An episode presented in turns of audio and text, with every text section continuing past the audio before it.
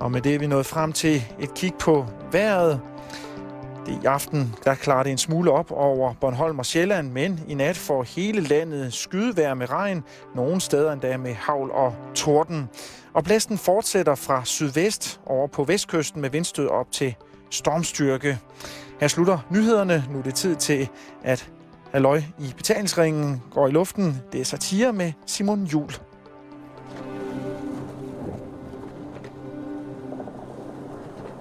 I Æbeltoft på Djursland bor Preben. Han bor med udsigt til frigatten Jylland. Han bor med udsigt til vandet, og på den anden side af Bredingen kan man se landskabet, hvor i der er en af Danmarks største koncentrationer af velbevaret gravhøje og jættestuer. Det er en storslået udsigt. Og Preben, han er en herre med styr på historien. Blandt andet vikingerne. Vikingerne fremstår hos mig som galningen i skibe på Svampeberserk, der med sværet forrest har væltet rundt, tæsket og horet løs i hele verden. Og det har de også.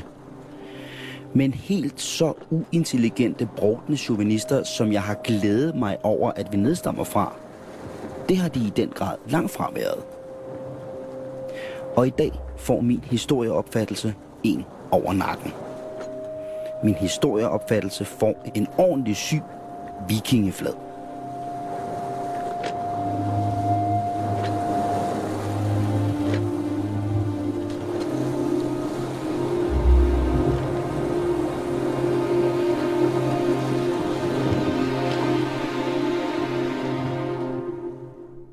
I min ungdom i, i Roskilde, der øh, blev man i tide og utid slæbt på Vikingskibsmuseet. Det er, jo, altså, det er jo nærmest et logo for Roskilde by, et vikingskib eller domkirke. Eller i lejre for Søcenter. Og jeg synes på daværende tidspunkt, at der var intet af det, der var særlig morsomt. Mm. Altså jeg synes, det var næsten så kedeligt. Det var, næsten, det var faktisk en straf. Jamen, altså... Øh men jeg tror, det hænger sammen med, at øh, øh Roskilde Skibsmuseum er bygget op omkring øh, skibet og skibet alene. Jeg oplever, at når man kommer der, så er der ikke rigtig nogen, der kan fortælle de levende historier. Hvad var det for nogle mennesker, der var der? Altså nu ved jeg for eksempel, at øh, Roskilde blev... Øh, der var ingen by.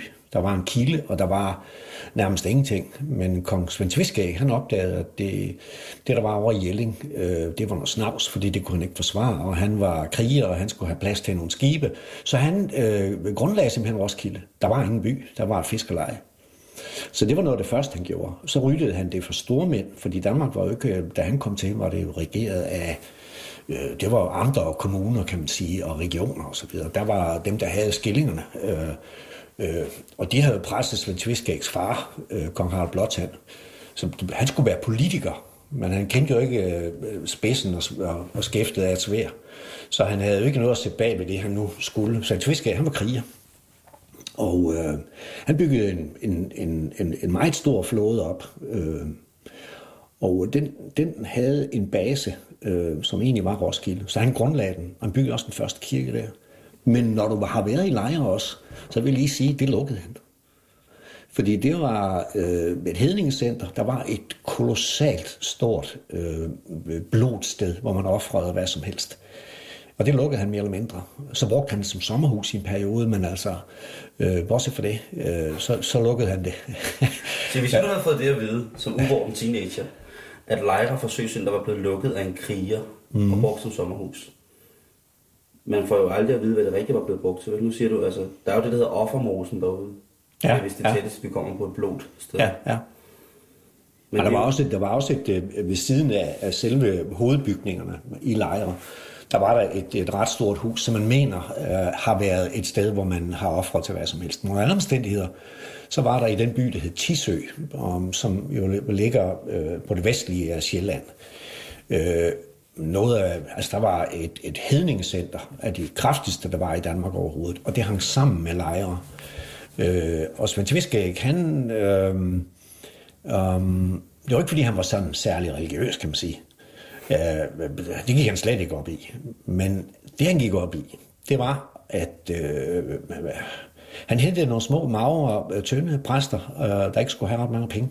Dem hentede han over i øh, England han nærmest øh, bandt dem i bunder og hævde dem øh, til Danmark, øh, satte dem ud på en ø i Roskilde Fjord og sagde, nu lærer I dansk, I har fire måneder, og lærer I det ikke øh, på de fire måneder, så kan I få lov at svømme hjem.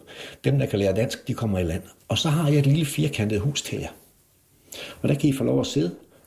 I må have lov at stå og bræge om det, I vil.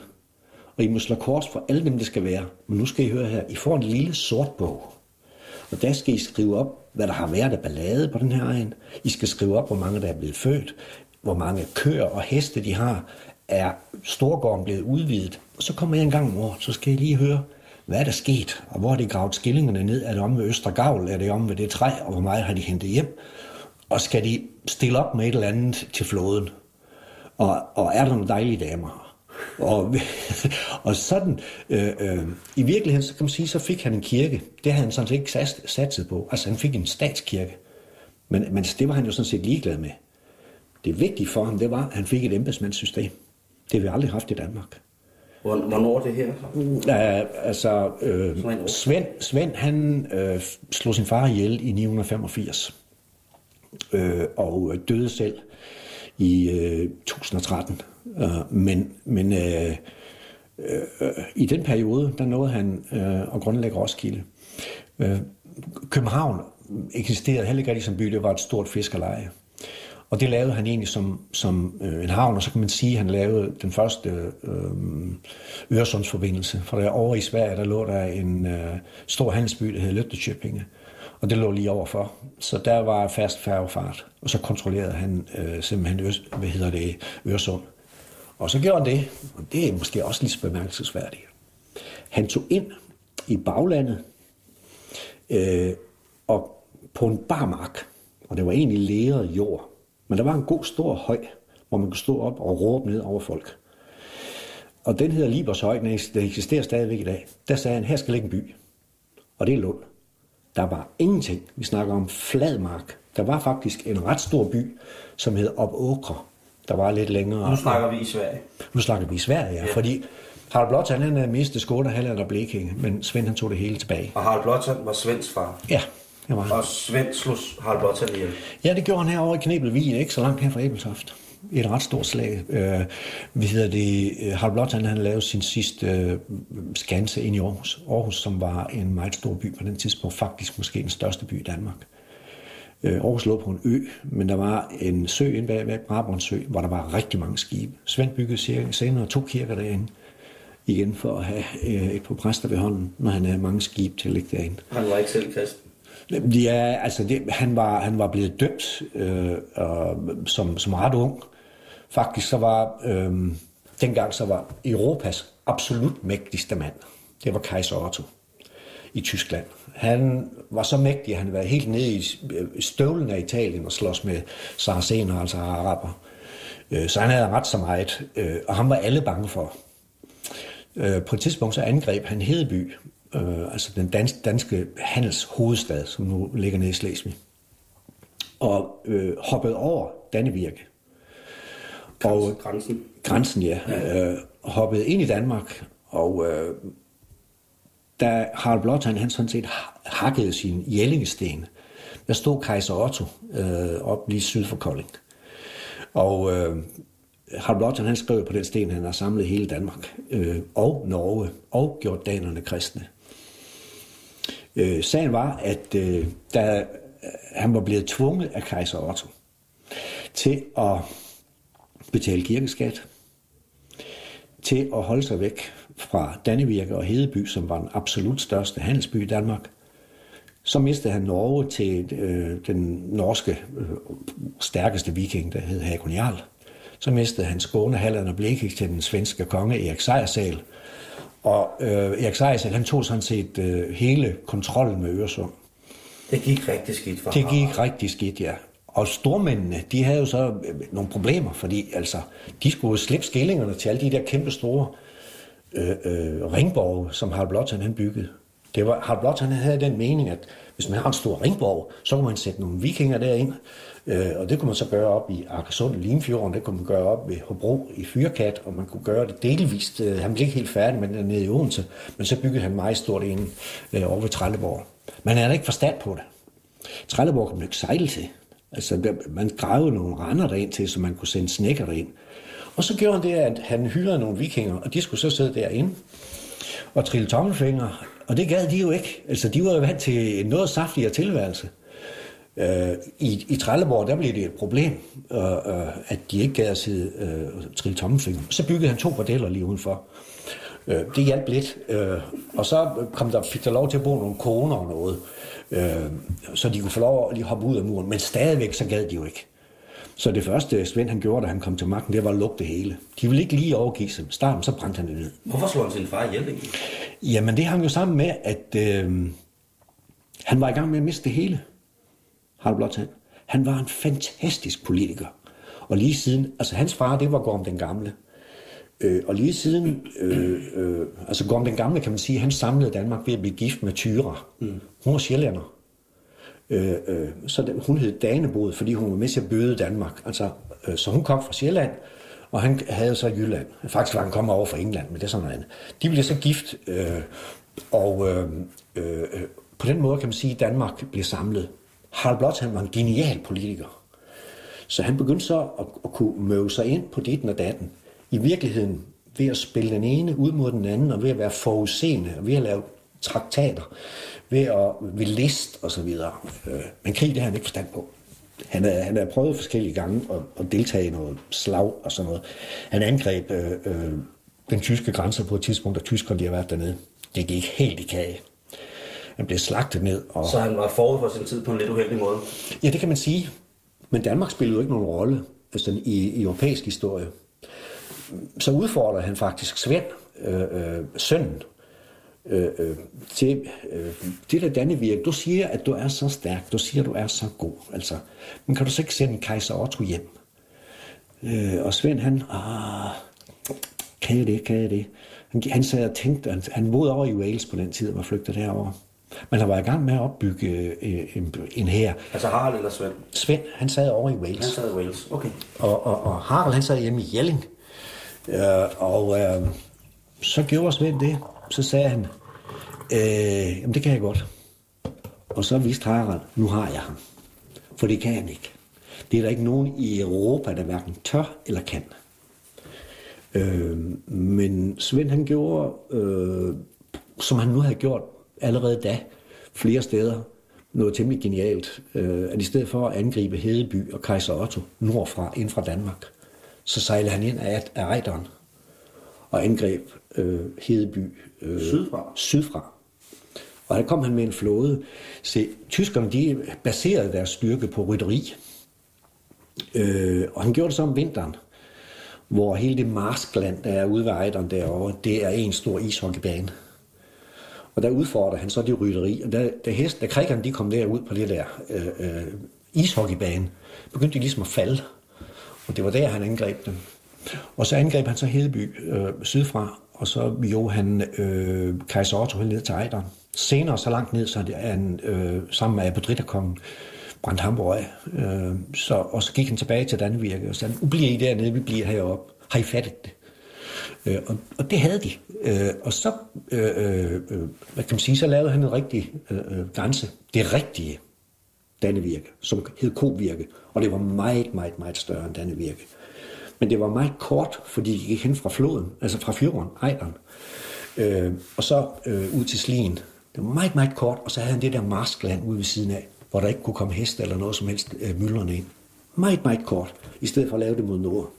Så derfor det, sygt, det, det første tyskerne gjorde hver eneste gang, de kom den her vej, det var at fjerne det, fordi øh, det var meget, meget nemmere at forsvare. Øh, og da øh, Svend Tviske, han først havde slået den tyske kejser, så så de de der store mænd, de skulle af med alle skillingerne til de der ringborge. Harald, så var der nogen over i Karniser, som sagde, men vi, vi, hvis de skal have alle de der ringborg, så vil vi også have penge til noget. Så måtte han bygge nogle broer derovre. Og så begyndte han at bygge broer derhen, og så skulle de have, og så videre. Pludselig så var kisten ved at være tom. Og allerede på det tidspunkt, der havde Svend været rundt, mm, og været oppe i nogle klostre lidt, øh, og brændt noget af, og hugget noget kirkeguld, og, øh, og øh, han var blevet rigtig, rigtig god. En her dengang, der var ikke værnepligt. Så det hele, det, det byggede på, at man havde, øh, han tog alle soldaterne i ed. Alle kriger, det var ned på knæ, Du sværger en ed, og du ved, at hvis du svigter det her, så enten hakker I selv hovedet af dig, eller så vil du være vandæret i hele din slægt og fire generationer frem. Desuden så vil jeg bare sige til dig, hvis du, hvis du øh, vandærer den her ed, så ved jeg, hvor du bor. Og jeg kender din kone, og jeg kender dine to døtre. Så husk det. Så sådan alle krigerne, de har fået den tur. Så, og de var jo helt vilde med ham, fordi de fik penge, og de fik oplevelser. Men først og fremmest måske, så fik de æren, og der blev lavet sange om dem. Og de kunne, sådan, de kunne være altså, store og kraftige og rigtige vikinger. Fordi det var jo dengang øh, temmelig vigtigt, at man havde æren. Det hele byggede næsten på æren. Og, og eden, kan man sige. Og øh, da, da først øh, Svend Tviske, han har smidt øh, øh, kejser Otto ud, så begyndte stormændene at tænke, ah, det kan godt være. At sønnen. sønnen, han kan et eller andet, som faren ikke rigtig kan. Fordi han har jo tvær, han har noget skibe. Og øh, så var det, de sagde til ham, øh, din far han er blevet for dyr for os. Han er et problem. Kunne du hjælpe? Ja, sagde Svend, det kan jeg måske nok, men i betingelsen er, at jeg er konge bagefter. Og det, øh, så de vidste ikke lige, kan vi gøre ham til konge, fordi det er jo noget af en halvsteg fætter. Øh, og kan vi kontrollere ham og så videre. En hvad for en fætter? En halvsteg. Hvad fanden er det? Jamen, det er, jamen, det er et gammelt jysk udtryk. Altså, øh, ukontrollabel, øh, øh, øh, ligesom en hund, der har det halst og er arg. Øh, okay. Ja, sådan. Og han, øh, øh, noget af det første, han gjorde, det var, at han sagde til dem, at øh, nu holder, holder vi ting, og så snakker vi om det. Og tingene, det ligger på Sejrø. På Sejrø? Og så sad de jo op i Viborg. De har jo ingen skibe. Jamen, det er ikke mit problem. Der er ting på Sejrø. Jamen, der har vi jo aldrig holdt ting. Men det er jeg da ligeglad med. Vi holder det derovre, det er mig, der bestemmer. Hvis I vil være med til at bestemme, så er det over på Sejrø. Og nogle af dem, de kom jo roende, og hvad vi ej, og øh, de kom jo, nogle havde selvfølgelig skibe, men det var ikke de fleste af dem. Øh, og så stod Svend derovre, og pludselig så så de, hvad der var for en flåde. Øh, han stod, på det tidspunkt, der havde han omkring 30 langskibe. Og øh, øh, så var de jo godt klar over, at enten så siger vi ja til ham. Jamen, Svend han sagde simpelthen, øh, hvis I ikke vælger mig, så får I jo borgerkrig. I kan jo ikke blive enige om noget som helst. Så det er borgerkrig eller mig. Det tykkede de lidt på, og lige ved det første ting, der valgte de ham ikke. Der gik så et stykke tid, så blev de enige om, at vi må nok hellere tage Svend. Og så gik han ellers i gang. Så ryddede han op. Øh, Harald Blot, han havde lavet en aftale med den tyske kirke, at der skulle bygges øh, øh, tre store kirker i Danmark, og at øh, både han og Svend skulle døbes. Og så, skulle der, så ville der komme øh, øh, biskopper hertil. Problemet med de der biskopper, det var, at de kom aldrig. De sad nede i Hildesheim i Tyskland og fedede sig. Det kan man se af nogle af de der markbreve, altså, de blev skattefritaget dernede, og de havde så og så meget kvæg og hvad vi har. De har aldrig været i Danmark. Men der gik nogle små øh, drenge rundt med noget røgelseskar og slyngede det frem og tilbage og sagde, at I skal betale.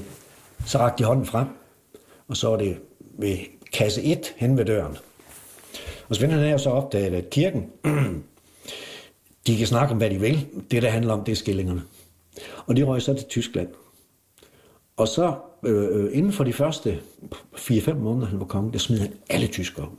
Alt, hvad der råd var. Ikke bare, han smed dem ud. De fik lov at gå foran en flok krikker, og så gik det til Tyskland. Alle de der, der nu var. Og så ryddede han det hele.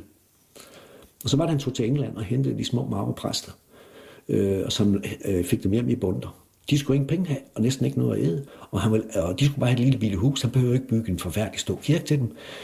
Øh, han begyndte godt nok at bygge nogle kirker, men altså, det var ikke sådan noget, der ville noget. Altså, øh, jo, der bliver så bygget nogle kirker. Øh, øh, den første, som hvad kan man sige, store kirke, han byggede, det var faktisk i Lund.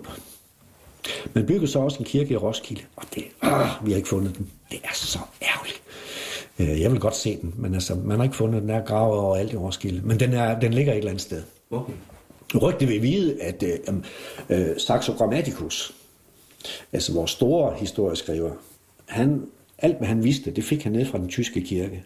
Og det er klart, at den tyske kirke, det var ikke rigtig glad for Svend Tviskæg. De skrev nærmest om, at øh, han var ond og slem og øh, åd småbørn og øh, øh, smed alt i havet og var øh, grusom. Øh, fordi han havde smidt alle tyskerne ud. Og de var egentlig de eneste historieskrivere, der var dengang. Og de var datidens journalister. Og når, hvad hedder det, når man banker journalister, så skriver de også pænt om det. det var sådan, det er sådan set, det, det har sådan altid, og der var det også dengang. Så øh, da Svend han havde smidt, smidt tyskerne ud, så begyndte de jo at sige, ah, Harald han betalte kirken. Han var fantastisk. Og så sagde de, at han blev begravet over i, i, i kirken i Roskilde, som han havde bygget. Visevasse. Og Roskilde eksisterede ikke, da Harald han var kongen. Og Svend byggede kirken, og han lavede kongsgården der. Harald Blåtand, han flygtede efter det slag. Han, øh, altså, Svend han slog mig ihjel, men ikke helt. Så han nåede at smutte og sejlede øh, ned til sin svigerfar ned i mm, det tidligere øh, Østtyskland. Så formentlig, og der døde han ned. Øh, formentlig ligger han begravet sted i Mecklenburg, eller hvad ved jeg. Dernede af. De sejler ham aldrig hjem igen i hvert fald. Øh, fordi det er jo klart, at efter Svend han er udryddet ham, så vil han jo ikke uh, have ham hjem og lave ham lave en kæmpe stor begravelse. Det er jo rent godt, fader. Det er jo det, der er. Det er jo ja. rent, altså, det er rent den unge mand, som, uh, som ikke vil mere, og som ja. har fundet ud af, at nu skal der ryddes op. Ja. Og bliver sur og svær, og så uh, går der uh, krig og død og ødelæggelse og humor i. Ja.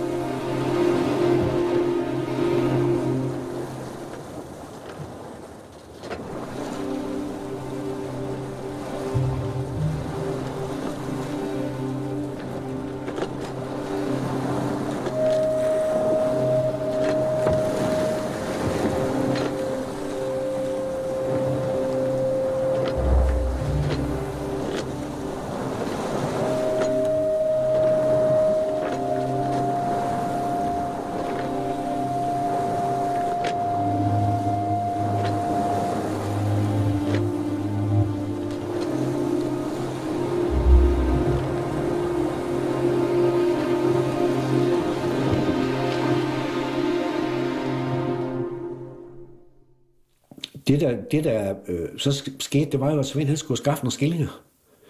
Og han havde en god flåde. Og så gik han i gang med England. Stille og roligt. Det var indhug der og indhug der, og de brændte Ipswich ned til den ene, så der ikke var sten tilbage, og øh, øh, Southampton, det fik samme tur, og, og hvad ved jeg. Øh, og så hver gang de, de lige var blevet færdige med at bygge det op, så kom de igen. Øh, øh, fordi der var altid nogle kirker og kloster inde i baglandet, som så fik foræret et eller andet, og så blev de der kirker bygget op igen, og så ind og hugge guldet, og, og, og hugge præsterne om. Og på den måde fik han samlet penge til, hvad skal man sige, både sin øh, øh, flåde og alle sine mænd i gang. Øh, fordi det var mange. Altså, vi snakker jo om en flåde, altså en privat flåde, som formentlig har været 3.000 mennesker eller sådan noget. Så dem kan, altså, de skal jo have foder. Altså, når man kommer sejle med sådan 3.000 mand, de bliver jo sulten på et eller andet tidspunkt. så man er nødt til at tage land og, og hugge nogle okser og noget om. Altså, øh, så det, det, øh, det fik han så øh, øh, sat, sat i system, kan man sige. Han øh, indførte jo det der med, at over på Stavnsfjord, på Samsø, der havde han en, en flådebase. De lå rigtig godt dernede og kontrollerede, hvad der sejlede ud af. øh, men mændene, de må kun være på øh, sådan en skibsbase i tre måneder. For ellers begyndte de at kede sig, sagde han. Så skal det byttes omkring. Så skal de med ud og sejle og hugge noget om, øh, og så videre, hvad der ellers skal laves. Og så øh, kan de komme tilbage, så kan de ligge i Roskilde, hvor der er noget, øh, eller de kan ligge i, i Aarhus, eller, eller andre steder, øh, øh, hvor omgivelserne er nogle helt andre, øh, og hvor baglandet ser anderledes ud. Øh, sådan at øh, hvis de skal gå på jagt op i skoven, så skal de lære noget helt nyt at kende. Fint nok. Ligesom i dag? Rotation ja. på jobbet? Simpelthen. Sådan, ja. Så man, kan, man kommer ikke udenom, at han var en snedig ræd. Det var han. Jamen altså, øh, så kommer man jo op og toppes med den norske øh, konge, øh, Ola Tryggvason. Og Tryggvason, han øh, mente så, at han var stærk nok øh, til at gøre hvad som helst. Øh, og øh, Svend han inviterede ham til Danmark til et slag, øh, og øh, Svend han udryddede den norske flade, så der kom at drive tømmer tilbage. Øh, et stort slag ved Svold, øh, år 1000. Og øh, øh, det norske kongestyre smuldrede, og Svend han tog tilbage, hvad Danmark havde mistet under Harald Blåtand. Så de, altså, de steder, hvor der var penge... slag? Ja, simpelthen udryddet. Sådan. Der var ikke noget tilbage af Ola Tryggvason. Det sjove ved det, det er så, at den norske historie blev skrevet af en islandsk biskop, men først omkring år 1200. Og det er historien om det mest glorværdige nederlag, der er skrevet i Skandinavien. Uh, der er et helt kapitel, der bare handler om navnene, der var ombord i Ola Tryggersons skib. Og de var så så stolte, og de sejlede ud, ikke også? Og Svend, han var så fyldt med svig, og han var, uh, her, uh, her, uh, her. Men sagen var, der var ikke både tilbage, da Svend han var færdig med dem. Og så tog han Norge tilbage, altså den del af det, der var penge i. Øh, fordi alt det nordlige deroppe, fordi, øh, hvor de alligevel ikke var altså, til med at gøre. Altså de var uregerlige folk, der sad i hver sin fjord deroppe. Dem skulle han ikke... Øh, nej, de store handelsbyer nede mod syd, og så Oslofjorden. Det tog Svend. Det er det. Resten må I selv beholde. Og så er han Skåne, Halland og Blekinge, det tog han tilbage. Han lavede Lund. Og så giftede han sig med enken efter den svenske konge, og så fik han altså sådan set øh, øh, øh kontrollen, kan man sige, over øh, jøterne også. Og da han så var ved det, så holdt du lige fast. Ja. Der tog han hele England. hele England? Sådan. Altså også Irland og hele Nej, nej, nej. Irland, øh, Irland var jo ikke en del af, af England dengang. Ja. Men altså, det var helt ud til, syd, altså, til sydspidsen af Wales og helt op til den skotske grænse. Sådan. Det tog Svend. Og det tog forholdsvis kort tid, fordi også igen derovre, der lavede han et slag, som ingen havde regnet med, som nogen kunne. For den kom jo med, vi ved ikke 100, hvor mange det var, men omkring et par hundrede vikingskib sejlede han over øh, Østersøen med. Og så er det jo regnet med, uh, han nu kommer han, og nu bliver dæmper det og det og det angrebet. Så sejlede han op til en lille bitte mikro, lille by, der hedder Gangsborough, op ved floden Humber, øh, i Yorkshire. Og der satte han mændene i land, og så marcherede han ned ad Romervejen. I Ilmarsch, tværs igennem England, lige midt ned igennem England. Og da de så det, de har aldrig set noget med til, så bøjede de sig i støvet, vi, øh, du skal være vores konge. Og så videre og så videre. Og mændene, de strittede rundt omkring ham. Det var lige meget, at han drev det hele frem. Så lavede han et angreb på London. Det var ikke en succes. Øh, og han opgav det efter, det her, det, det hænger ikke sammen, sagde han så. Øh, så gik han tværs efter det ud mod øh, byen Bath. Øh, og der underlagde de sig så også. Øh, og så princippet det var, hvis du dræber hele kroppen, så falder hovedet. Og der opgav øh, London øh, det hele. Og så den engelske konge, han flygtede til Normandiet. Og så havde Svend hele England. Øh, sådan. Desværre, han holdt det ikke ret længe. Og øh, han døde øh, ganske kort tid efter. Men så havde han en knejt, Knud, øh, som senere blev Knud den Store. Og han var godt trænet. Øh, han kunne ikke så lige styre Svends flåde, fordi han havde ikke haft dem på knæ og de har ikke afgivet ed til ham. Sådan lige bare bum, bum, bum. Øh, så var nødt til at sejle hjem først. Men på vejen hjem af, Svend han var rigtig god til at tage gisler. Så hver gang der var en eller anden stormand, så den ældste søn, han er der. Og han havde så slægtens ring på.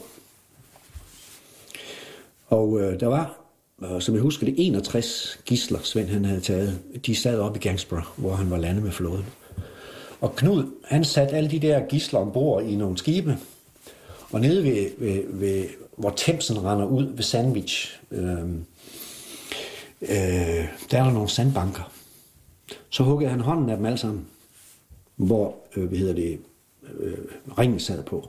Det blev puttet, puttet i nogle sække, og så var der seks mand, der fik en snække, og så sagde han til dem, I ved jo godt, at de her sandbanker, de bliver overløbet af vand ved tidevandet. Hvis I kan nå at sejle til London og sige, at, de, at deres sønner de står herude, øh, så bliver de reddet. Når de ikke er ud, ærgerligt. Og de havde så de her øh, sække med, hvor alle hænderne de var, så, og stormænd de sagde, uh, min søn han står der, min og, og min også. Så de prøvede jo at komme derud af. Mm, jeg tror, det var en 5-6 stykker, der blev reddet. Alle andre, de gik til. Hvad skete der med de hænder der?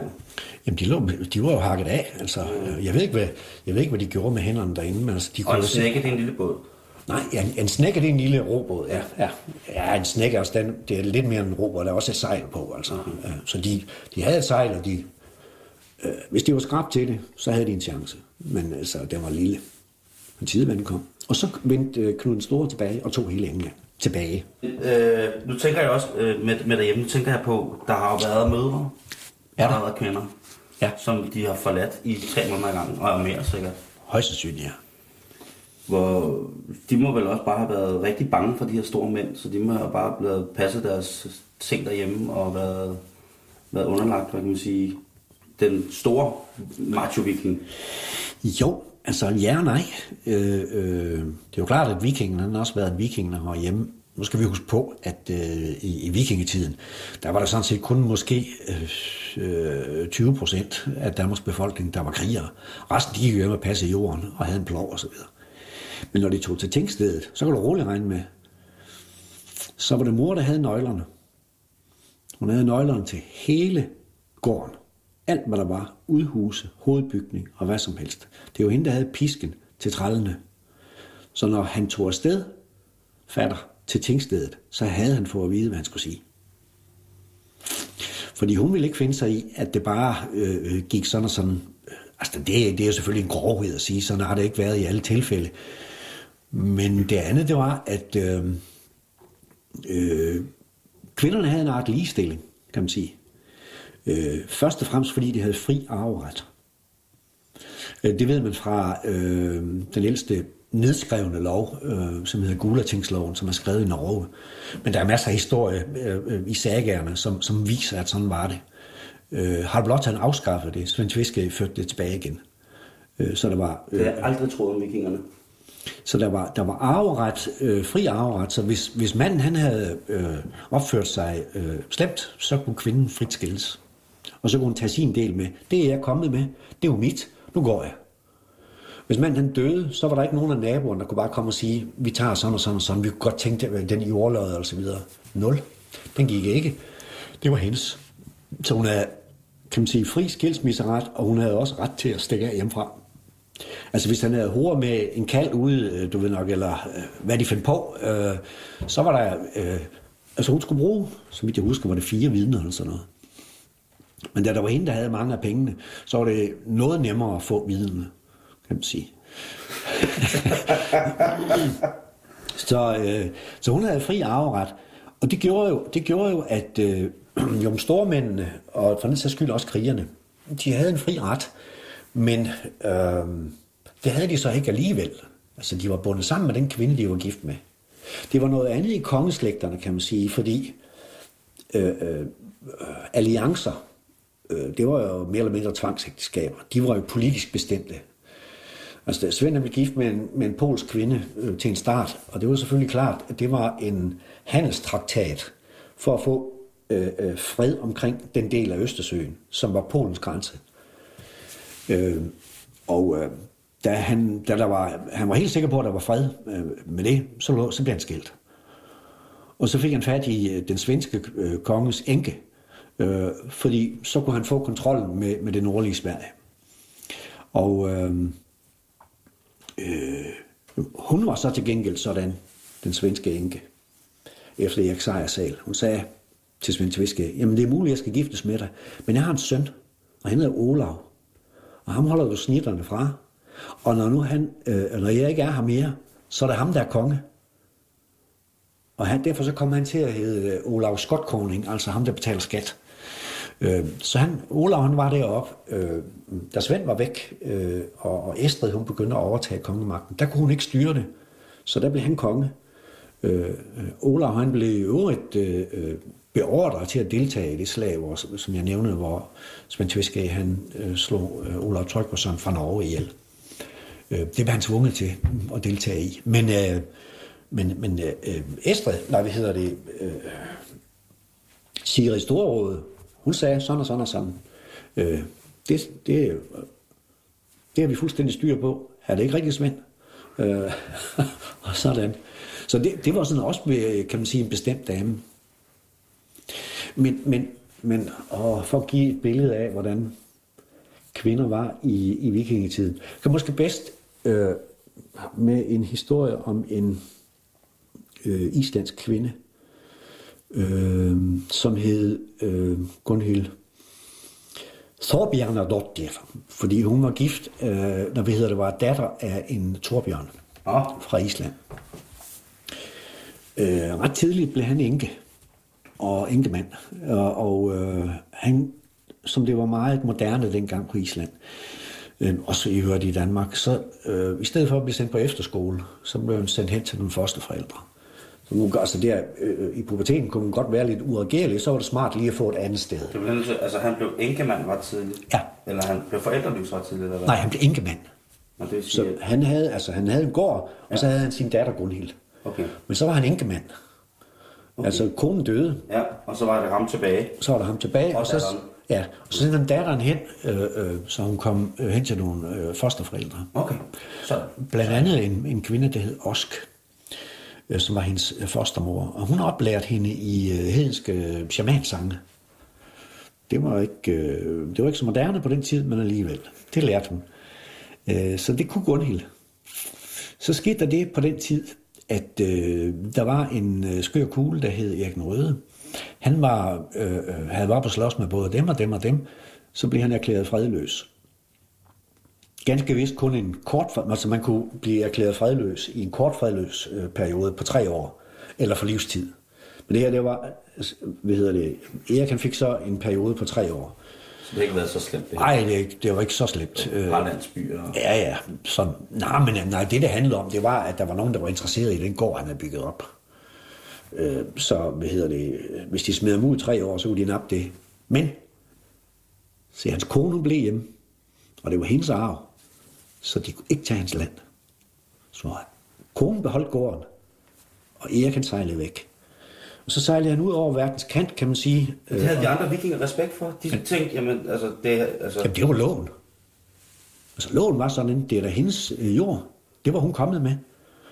Øh, så videre det. Men de her barske vikinger, de kunne bare gå ind og voldtage og slå ihjel, og så tage. Ja, der var ikke noget at gøre. Det var æren, der stod på spil også jo. Så lovgivningen, den var på den måde. Så der var ikke, altså, det kunne man ikke bare sådan lige overtræde. Erik han sejlede så, kan man sige, ud over verdens kant, fordi alle vidste jo, at... Øh, ja, det vil jeg gerne. Det helt fint. Og jeg sidder her og snakker så meget, så... Ja, du skal da lige... Det, det, det er sgu lidt koldt, du. Han snakker så varmt, kaffen er koldt. Det er godt. jeg kender det. Så øh, øh, sker der jo det, at øh, den gård, som, som Torbjørn han nu havde på Island, det gik ikke så godt. Og ham der, øh, øh Erik Røde, som han kom til at hedde, der havde øh, fundet Grønland, og, og i virkeligheden fået det bebygget og fået delt fjorden ud til nogen. Øh, han var en kammerat fra helt, øh, øh, altså Torbjørn, han havde været kammerater helt for unge. Og så sagde øh, øh, Torbjørn til, til sin datter, ved du hvad, vi kan ikke være her mere, nu kommer du tilbage fra Osk, og så sejler vi til Grønland, til min kammerat Erik den Røde, for jeg kan høre, det går godt derude. Og øh, han kom ud til Grønland, øh, og øh, op, sejler op til Erik, og Erik kan sige, jamen dog, herlig Torbjørn, der er et stykke jord derovre på den anden side af fjorden, det er dit, hvis du har det. Og det fik Torbjørn, han begyndte at lave en god gård derovre. Øh, Erik Røde, han havde tre sønner.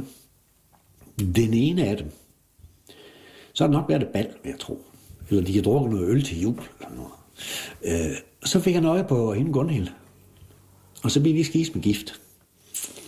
Og, øh, men det var det, at øh, Erik Nordes Rødes ældste søn, Leif, han var jo sådan udset til at overtage gården, når Erik ikke var der mere.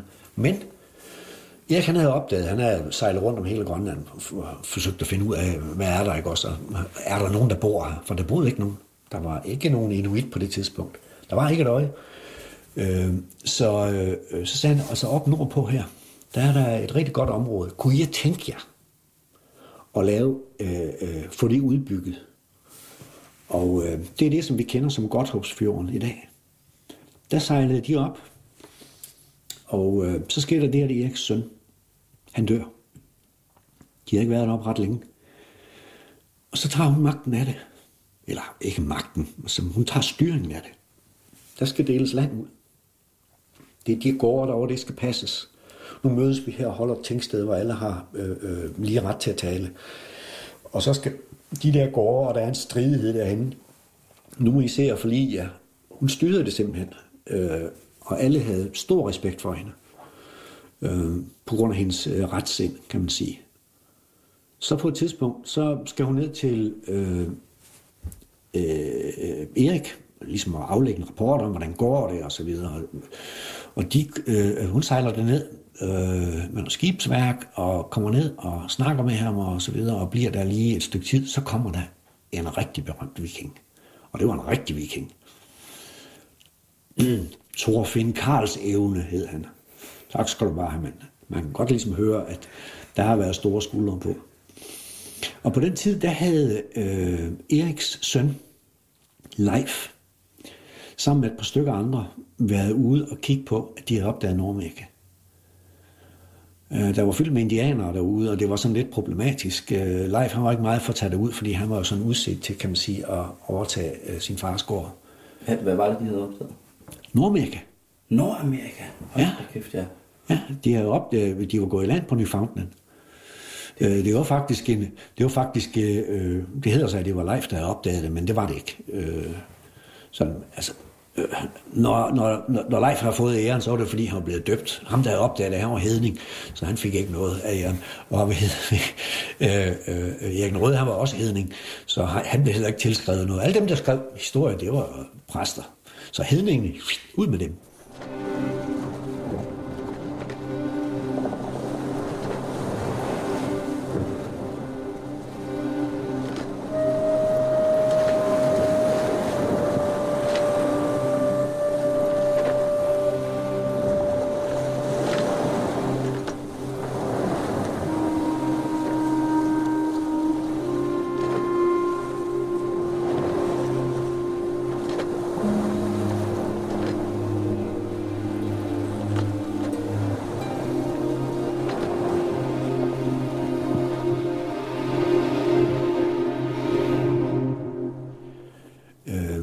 Fortælle en anden historie om, og det er så en, det er så en dronning, øh, ganske vist. Øh, hun var dansker. Øh, altså vi skal huske på, at vikingerne ikke egentlig som overskrift var interesseret i at tage ud og tage land. Øh, det var hurtigt ind, voldtag, brænde af, tag guldet, væk igen. Altså, øh, der var ikke på den måde øh, at man gik i land og havde, var indstillet på, at nu skal de øh, gøre ligesom os, og nu skal de underlægge sig osv. Tag det, du har brug for, og så smut igen. Ja, simpelthen. Det var det. Reasonable fellows. Ja, take the money and run. og der var en undtagelse, kan man sige, som fra ret tidligt. Øh, sidst i, sidst i 800-tallet, øh, der var der en, øh, en viking, som øh, hed Rolf. Han hed egentlig Rolf. De kaldte ham Ganger Rolf. De sagde, at han var så stor, at når han sad på en hest, så nåede fødderne i jorden. Så enten har han været virkelig stor, eller så har de haft nogle meget små krikker. For hvad er det jo islandske heste? De er jo ikke så store. Ja, hvad ved vi? Under omstændighed, så kom han til Normandiet, hvor han så i øvrigt øh, grundlagde den hovedstad, som de har dernede nu i Normandiet, Rong, Rolfs by. Øh, de kaldte ham Rollo. Og han grundlagde så en, en slægt, som var danskere og som talte dansk. Øh, og øh, i tredje led der, der var prins Rikard, øh, og øh, øh, han havde en søster, det hed Emma. Den engelske konge øh, på den tid hed Edelred. Og Edelred øh, var meget interesseret i at få en fredspagt, fordi vikingerne angreb meget England. Og så sejlede de over til øh, Normandiet og solgte slaverne og guld og så videre øh, og sejle hjem til Danmark. Og han mente, at det var lidt uretfærdigt, at de havde en fred med hinanden, men de tog over til England øh, og huggede det hele, så sejlede de over til Normandiet og, og, og handlede. Så han ville gerne have en fred. Øh, og det kunne de ikke lige blive enige om. Ikke før paven begyndte at blande sig. Øh, og så sagde Edelred, men for at vi kan lige få en pagt på det der, så giv mig din søster. Og Emma, hun bliver så gift med øh, kong Edelred. Og der var hun øh, 14 år gammel. Han havde jo været gift før og havde en del børn. Og hun står så i land øh, i London og træder op, øh, og øh, hun starter med, med det samme og sige, det er mig, der er Emma. Jeg er kommet her, og jeg er dronning. Og hvis jeg skal gå i seng med kongen, så skal han vaskes. Du ved nok, og Edelred, han var en af de der, han tog bad en gang om måneden, uanset om han havde brug for det eller ej. Øh, og øh, så sagde hun, alle de børn, du har, de bliver slettet af affølgen. Ud med sig. det, dem, der, det, der gælder nu her, det er de børn, vi får. Og når der er statsråd, så skriver jeg under på lovene. Jamen, det er vi ikke vant til. Du vælger imellem, jeg skriver under på lovene, eller jeg sejler hjem til min bror, og så kan du slås med ham. Så hun fik lov. Øh, øh, der var øh, masser af vidner, der skrev under på loven. Men hun var den første dronning nogensinde, der fik lov at skrive under på lovgivningen. Så var hun gift med øh, Edelred. Til Edelred øh, blev drevet ud af England og Svend fiskæg. Øh, og øh, øh, overlevede ham så. Så kom Knud den Store, øh, og han, det er altså en smid, altså hun er en dame, og det er en myndig, øh, hun er myndig, og det er noget, der lurer. Så han giftede sig med Emma. Øh, så havde han også fred med Normandiet, og han havde fred med, altså der var hun meget, meget afholdt i England på den tid. Øh, så giftede han sig med hende, og øh, så, så sagde hun med det samme, jeg afskriver de børn, jeg har med Edelred. Det, der gælder nu, det er de børn, vi får. Så det gjorde hun en gang til. Meget myndig dame. Og så begyndte hun sådan, sådan det, øh, at øh, bygge klostre. Hun var meget religiøs. Så byggede hun klostre op og, og delte kirkejord ud. Øh, begyndte at styre en masse skillinger. Og havde en meget stor indflydelse på Knud den Store. Øh, og overlevede ham. Og blev i virkeligheden Danmarks første dronning. Øh, regerende dronning. Det var Emma fra Normandiet, som var dansker. Og det var sådan, kan man sige, så en anden historie, øh, øh, som er den kongelige side af det. Øh, det, det er lige før vikingetiden slutter. Men, men vikingetidens damer, kan man sige, at portrættet det er tydeligere tegnet af Erik den Rødes øh, kone. Nej, Erik den Rødes kone, Nå, ja. hun hed Fjodhild. Øh, hun blev tilbage i Island og havde sin arv, havde gården, selvom Erik den Røde, han blev erklæret fredløs. De kunne ikke komme og tage det. Det var hendes. Og Gunhild, som øh, havde, øh, som udbyggede Godsfjorden, øh, og som styrede, kan man sige, temmelig meget, og havde hånd om sit eget liv, men også de mennesker, der var omkring hende, og som fik lov til at gå til Rom, og alligevel havde gården hjemme. Og så sådan en som Emma, som var, øh, som, som var, var kongelig, men alligevel, yes, sætter foden ned, når det passer mig. det er sjovt at tænke på, hvilken degenerering. Altså nu kan vi sidde her som, øh, som flotte fyre og snakke øh, om de her kvinder, men det er sjovt at tænke på, hvilken, hvilken degenerering altså kvinderne i samfundet har været igennem efter, altså siden de der altså årtusinder, ikke? hvor at, altså de simpelthen havde, øh, altså som du selv siger, kan vikingerne madpakke med, ikke?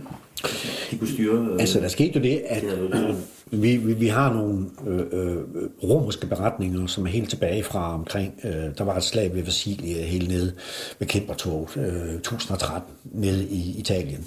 Der er der øh, en, en, en romersk historie, der skriver om, om de nordiske, skandinaviske kvinder, og det mod, de udviser, øh, den måde, de handler på, og de havde fri taleret, øh, de deltog i, deltog i krigsrådslagningen, øh, og havde øvrigt svær osv.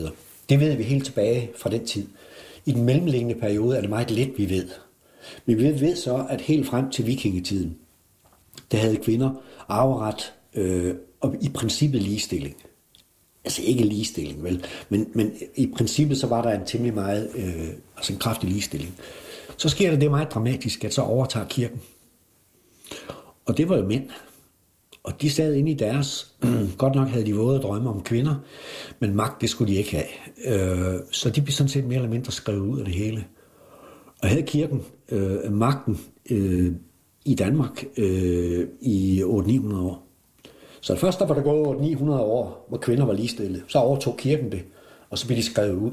Så først her for 1.500 år siden begyndte kvinder at komme ind på scenen igen. Og ganske langsomt, så fik de den mere eller mindre ligestilling tilbage. Vi mangler nogle kvindelige direktører endnu og så videre. De skal ikke sidde i bestyrelser alle sammen og så videre, men, men vi har dog en kvindelig statsminister efterhånden. Og øh, øh, så langt gik det. Så det var altså 800 år i hedningetilstand, så kom kirken, så var det væk med sig. Og nu er vi i gang med at blive ateister i Danmark. Folk de melder sig ud af, af folkekirken i stor stribe. Ja, øh, ja, og du ved nok, der er ikke... Øh, øh, jamen det er også... Øh, øh, folk er jo, altså, der er jo så mange øh, måder at opfatte det, det, hvad skal man sige, guddommelige på. Om det lige er, er hen i kirken, eller det er andre steder. Øh, det, det er folk, som er begyndt øh, øh, at gå hen imod. Så øh, folkekirken som magtfaktor, eller rådgiver, eller politisk målestok, eller moralgiver, er væk. For store dele af den danske befolkning. Så jeg, jeg tror på, at øh, altså, der er simpelthen sket det øh, 800 år øh, der, hvor religionen har bestemt. Og så kommer der 800 år, hvor også religionen har bestemt. Så er vi i gang i en periode, hvor vi hænger frit i verdensrummet, kan man sige. Men under alle omstændigheder, under alle omstændigheder er det ikke kirken, der bestemmer. Og hvor vi, hvor vi er henne, det ved jeg så ikke, men det er da tankevækkende. Det er meget tankevækkende. Altså det, det er også, ja, det er simpelthen, det er jo... Øhm, også fordi, at, man, at jeg jo som øh, ikke vidne på den måde i vikinger, altid har set dem som værende de her brugne typer, der er du ved, uden landsret og lov, der netop bare voldtager og øh, brænder, og du ved, og så kommer de tilbage, og så i virkeligheden så respekten for deres egne og, og for mennesket, ikke, altså uanset køn, ikke? Mm. men det der med ære, men også med sin, sin børns moder og sin kvinde, man elsker, at ligesom, at det er symbolet i, at det er ved at sejle hjem til, og det er ved at bibeholde, det er meget, meget, meget stærkt for en mand, som er 35, hvor man ligesom synes, at det hele sejler. Altså, vi skal heller ikke lave et for yndigt portræt af de vikinger. Fordi det var ikke alle sammen, der var sådan lige flinke. Altså, der var jo nogle glatnakker og, og, og nogle rockerbander imellem. Altså, der var... Øh, øh, øh, de var ikke... Altså, øh, øh, der blev voldtaget en del, og der blev hugget mange omkring. Men man kan sige, at på den tid... Hmm, krig var jo noget andet. Altså, øh, øh, det, vi, det vi sådan kan se på vikingetiden, det er, altså, hvis der går 40 mand i land og brænder et kloster ned, jo jo, inde i baglandet, der boede der en, en engelsk jarl, som når det passede ham, så tog han så også mange bønder skåre og drev kornerne til havs nærmest, eller tog dem ind øh, øh og hovedet med dem, så længe det passede ham. Det hed jo ikke voldtægt, øh, øh, men det hed underlægning. Og hvis, og hvis det der stykke, den jordlod blev dyrket af en bonde, og det var lige en tak for godt og for smukt, så tog han det. Og, og hvad hedder det? Ja og nej. Øh, vikingerne, de var sådan mere dramatiske med det, kan man sige. Jo, jeg siger men, heller ikke, at der er noget øh, glorificeret billede ved det, men jeg siger bare, at det er tankevækkende, at det har, at det har, har, at det har foregået inden for de præmisser, som vikingerne nu var med, at det var nogle øh, vilde og rabiate typer på alle mulige måder. Ikke? Så er det bare stadig sjovt at høre, at det har været, at man har nedfældet, at der for eksempel har været en Gunhild, og der for eksempel har været en, en Emma, og ja. for eksempel, altså at det, at, ja.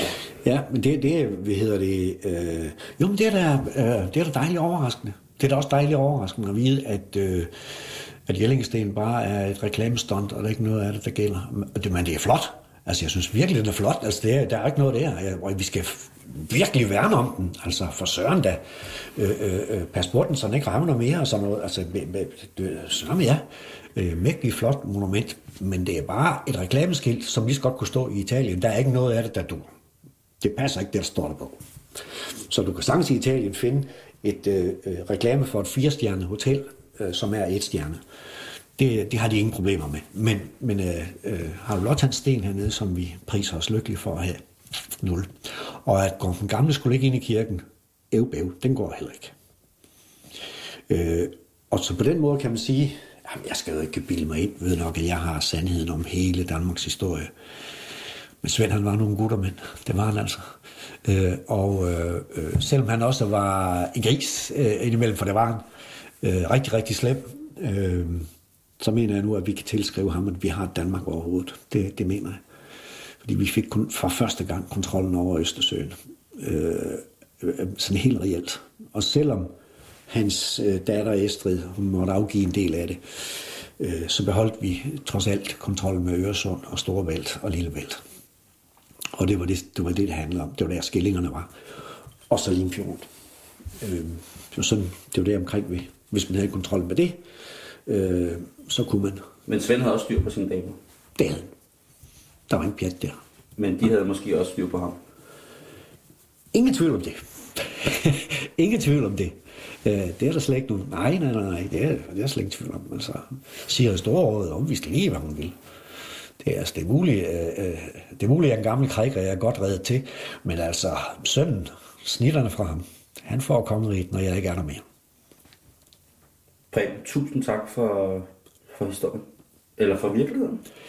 Ja, lad os op, det er virkeligheden. Siger vi og kigger lige ned på fregatten i Jylland. ja, Lover du, er hvis flot. kommer til Æbeltoft igen, så fortæller vi den historie om, at det aldrig har været noget. Ja, jeg, jeg ved måske ikke nok om øh, fregatten i Jylland. Uh, ah, det ved jeg ikke. Jeg Så skal vi have nogle flere vikinghistorier. Men det får vi gerne. Det er der er ingen, det skal der ikke være noget pjat med. Det får du da bare. Fedt.